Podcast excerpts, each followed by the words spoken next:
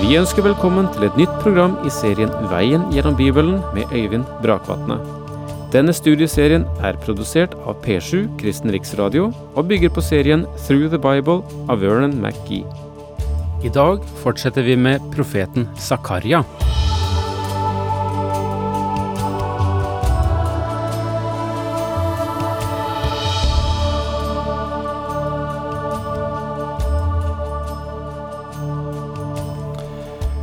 Det finnes to profeter, for ikke å si tre, som eh, kan kalles for synenes profet i Det gamle testamentet. Det gjelder Esekiel, og det gjelder Daniel, og det gjelder Zakaria. Men vi kan ikke kalle dem alle for synes profet, selv om syner. Og det som har med endetidsperspektiv og fremtidsperspektiv å gjøre, eh, er fremherskende i alle disse tre bøkene. Men Zakaria er også blitt kalt for håpets profet, fordi han står midt i en situasjon der han virket blant et motløst folk. De var vendt tilbake igjen fra Babylon, og det var bare en liten rest som hadde funnet det bryet verd å bryte opp fra Babylons floder og reise hjem igjen til sitt fedrende land. Disse har en utrolig oppgave med å bygge opp landet, og eh, også å bygge tempelet. Og det tempelet som blir bygget, er ikke rare byggverket ikke i forhold til Salomos eh, tempel, som eh, tidligere var rasert. Det var et strålende byggverk. Men jeg tror nok at hadde vi også sett Serubabels tempel, som dette nye tempelet kalles, ville vi blitt imponert av det, selv om det ikke hadde de samme prangende forhold som Salomos tempel. Og det førte til ytterligere mismot i folket. At de ikke engang kunne klare å bygge et tempel for Herren som kunne aksepteres. Som falt i de gamles smak. Da er det Herren kommer og sier, ikke bry dere om det. Det som er tempelets herlighet, er ikke gullet og ornamentikken og størrelsen, men det det at jeg skal være der. Og Det er det håpets budskap som Zakaria bringer. Herren skal komme i deres midte. Og fra dette levende sentrum er det Zakaria får trekke linjene fremover. Og vise hvordan Gud, som er den levende Gud, som nå vil bo hos dem, skal lede dette folket videre. Og intet skal kunne knekke dem om de holder seg til ham. Nå vel, vi må på bakgrunn av det perspektivet gå inn igjen i Zakaria 2, og vi er i det fjerde synet av ti som Zakaria fikk. Og vi er kommet til det tiende vers. Der kommer en advarsel, en meget sterk advarsel, og det er eh, eh forholdet til landet i nord, og vi går inn igjen der. Zakaria 2, vers 10. Ved, ved, flykt fra landet i nord, lyder ordet fra Herren, jeg har spredt dere for himmelens fire vinder, lyder ordet fra Herren. Dette doble vedropet betyr at det er viktig å legge merke til, og en sterk advarsel. Flykt fra landet i nord. I det følgende vers vil vi se at Babylon ble henvist til som land i nord, selv om det egentlig befinner seg i retning sydøst fra Palestina. Det ble kalt land i nord fordi krigshærer og karavaner på vei fra det landet til Jerusalem kom langs den ruten som kaltes Den fruktbare halvmåne, og kom inn i Palestina fra nord. Jeg har spredt dere for himmelens fire vinder, lyder ordet fra Herren. Selv om det historiske Babylon falt to år etter at denne profetien ble gitt, så vil den endelige fullbyrdelse skje i de siste dager, da Gud skal samle dem igjen fra deres verdensvide adspredelse. Ved deg, Sion, som bor hos Babels datter, berg deg ved flukt. Dette betyr å komme seg ut av Babylon. Ja, hvorfor? Fordi Babylon skulle falle. Gud ville radere det bort. Og la meg få vende tilbake til de to synene om hornene og smedene. Det første hornet er Babylon, altså står for en, en verdensmakt, og nå vil smeden, som representerer Mediopersia, komme og vil rive opp Babylon. Men Mediopersia vil bli en større makt, et horn, og da vil de forfølge Guds folk. Og så vil Gud fjerne denne nasjonen fra verdensarenaen ved å bringe inn en annen smed. Og under en hersker som stiger frem fra det delte riket til Alexander den store, nemlig Antiokus Epifanes, vil Israel bli ødelagt på en bestialsk måte.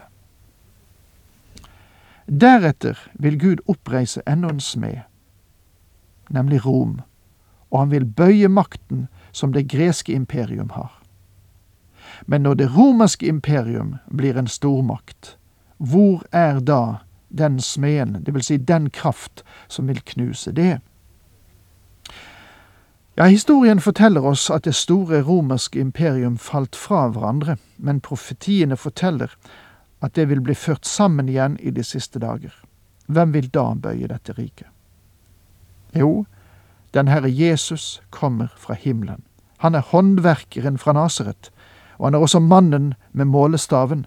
Han skal knuse Antikrist og hans kongerike og deretter vil Kristus opprette sitt eget rike på jorden, og det er dette bildet som ble gitt oss i disse synene, noe som gjør, gjør dem svært viktige og uhyre interessante.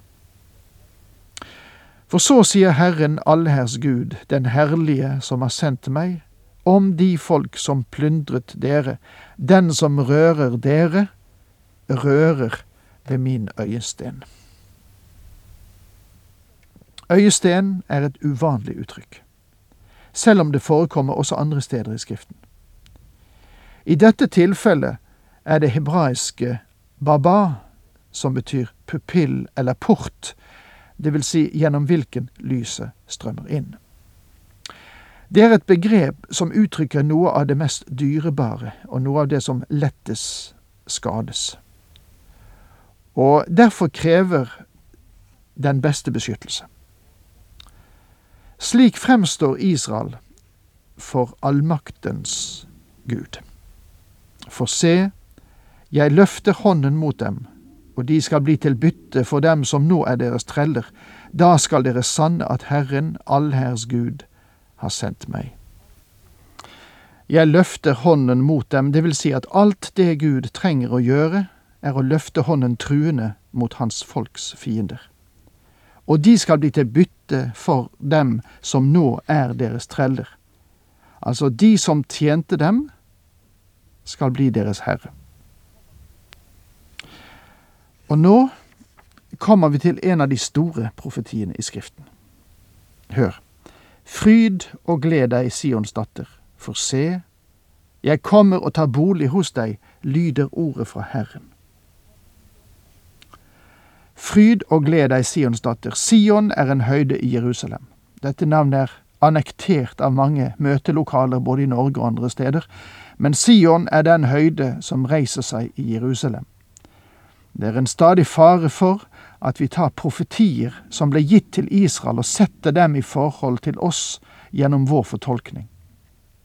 Selvfølgelig kan vi tillempe profetiene også på vår situasjon, men vi må aldri glemme den grunnleggende hensikt med profetiene, og her dreier det seg om Sion som uttrykk for Jerusalem. Gud mener nøyaktig det han sier.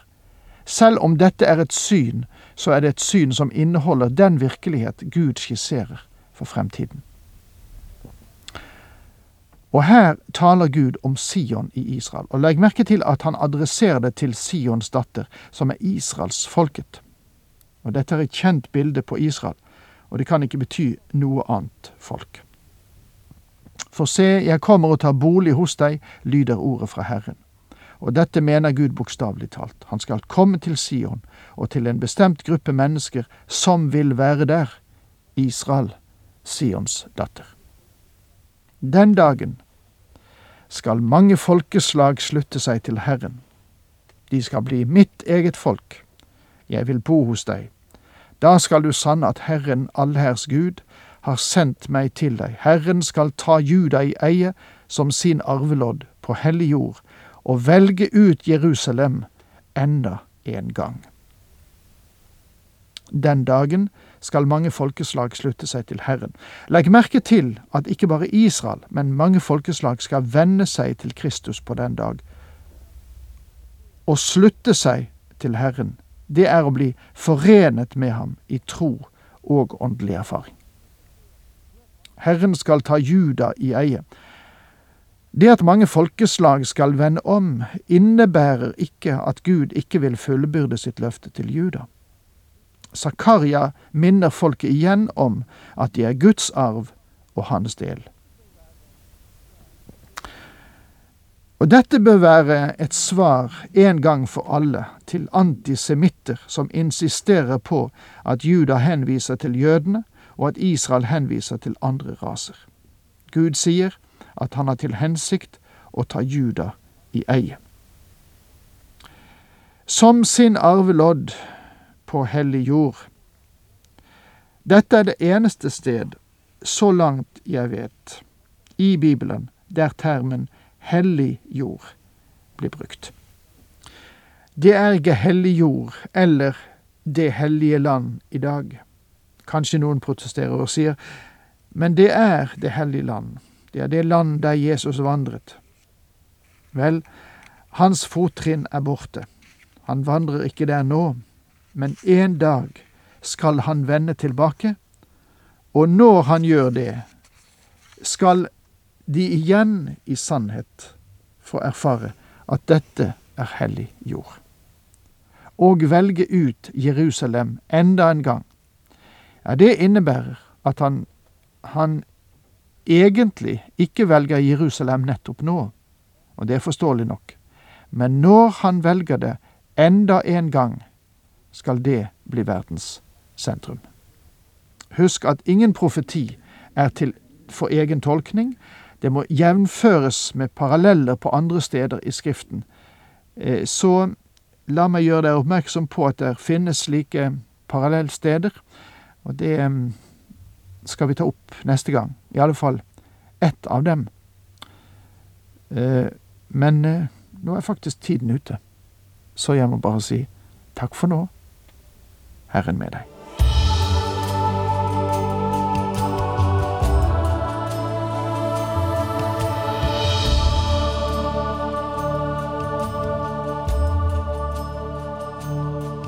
Du hørte Øyvind Brakvatne i studieserien Veien gjennom Bibelen. Serien bygger på et manus av Vern McGee. Har du spørsmål eller kommentarer til programmet, kan du sende en e-post til vgb krøllalfa p7.no. Takk for i dag, og på gjenhør.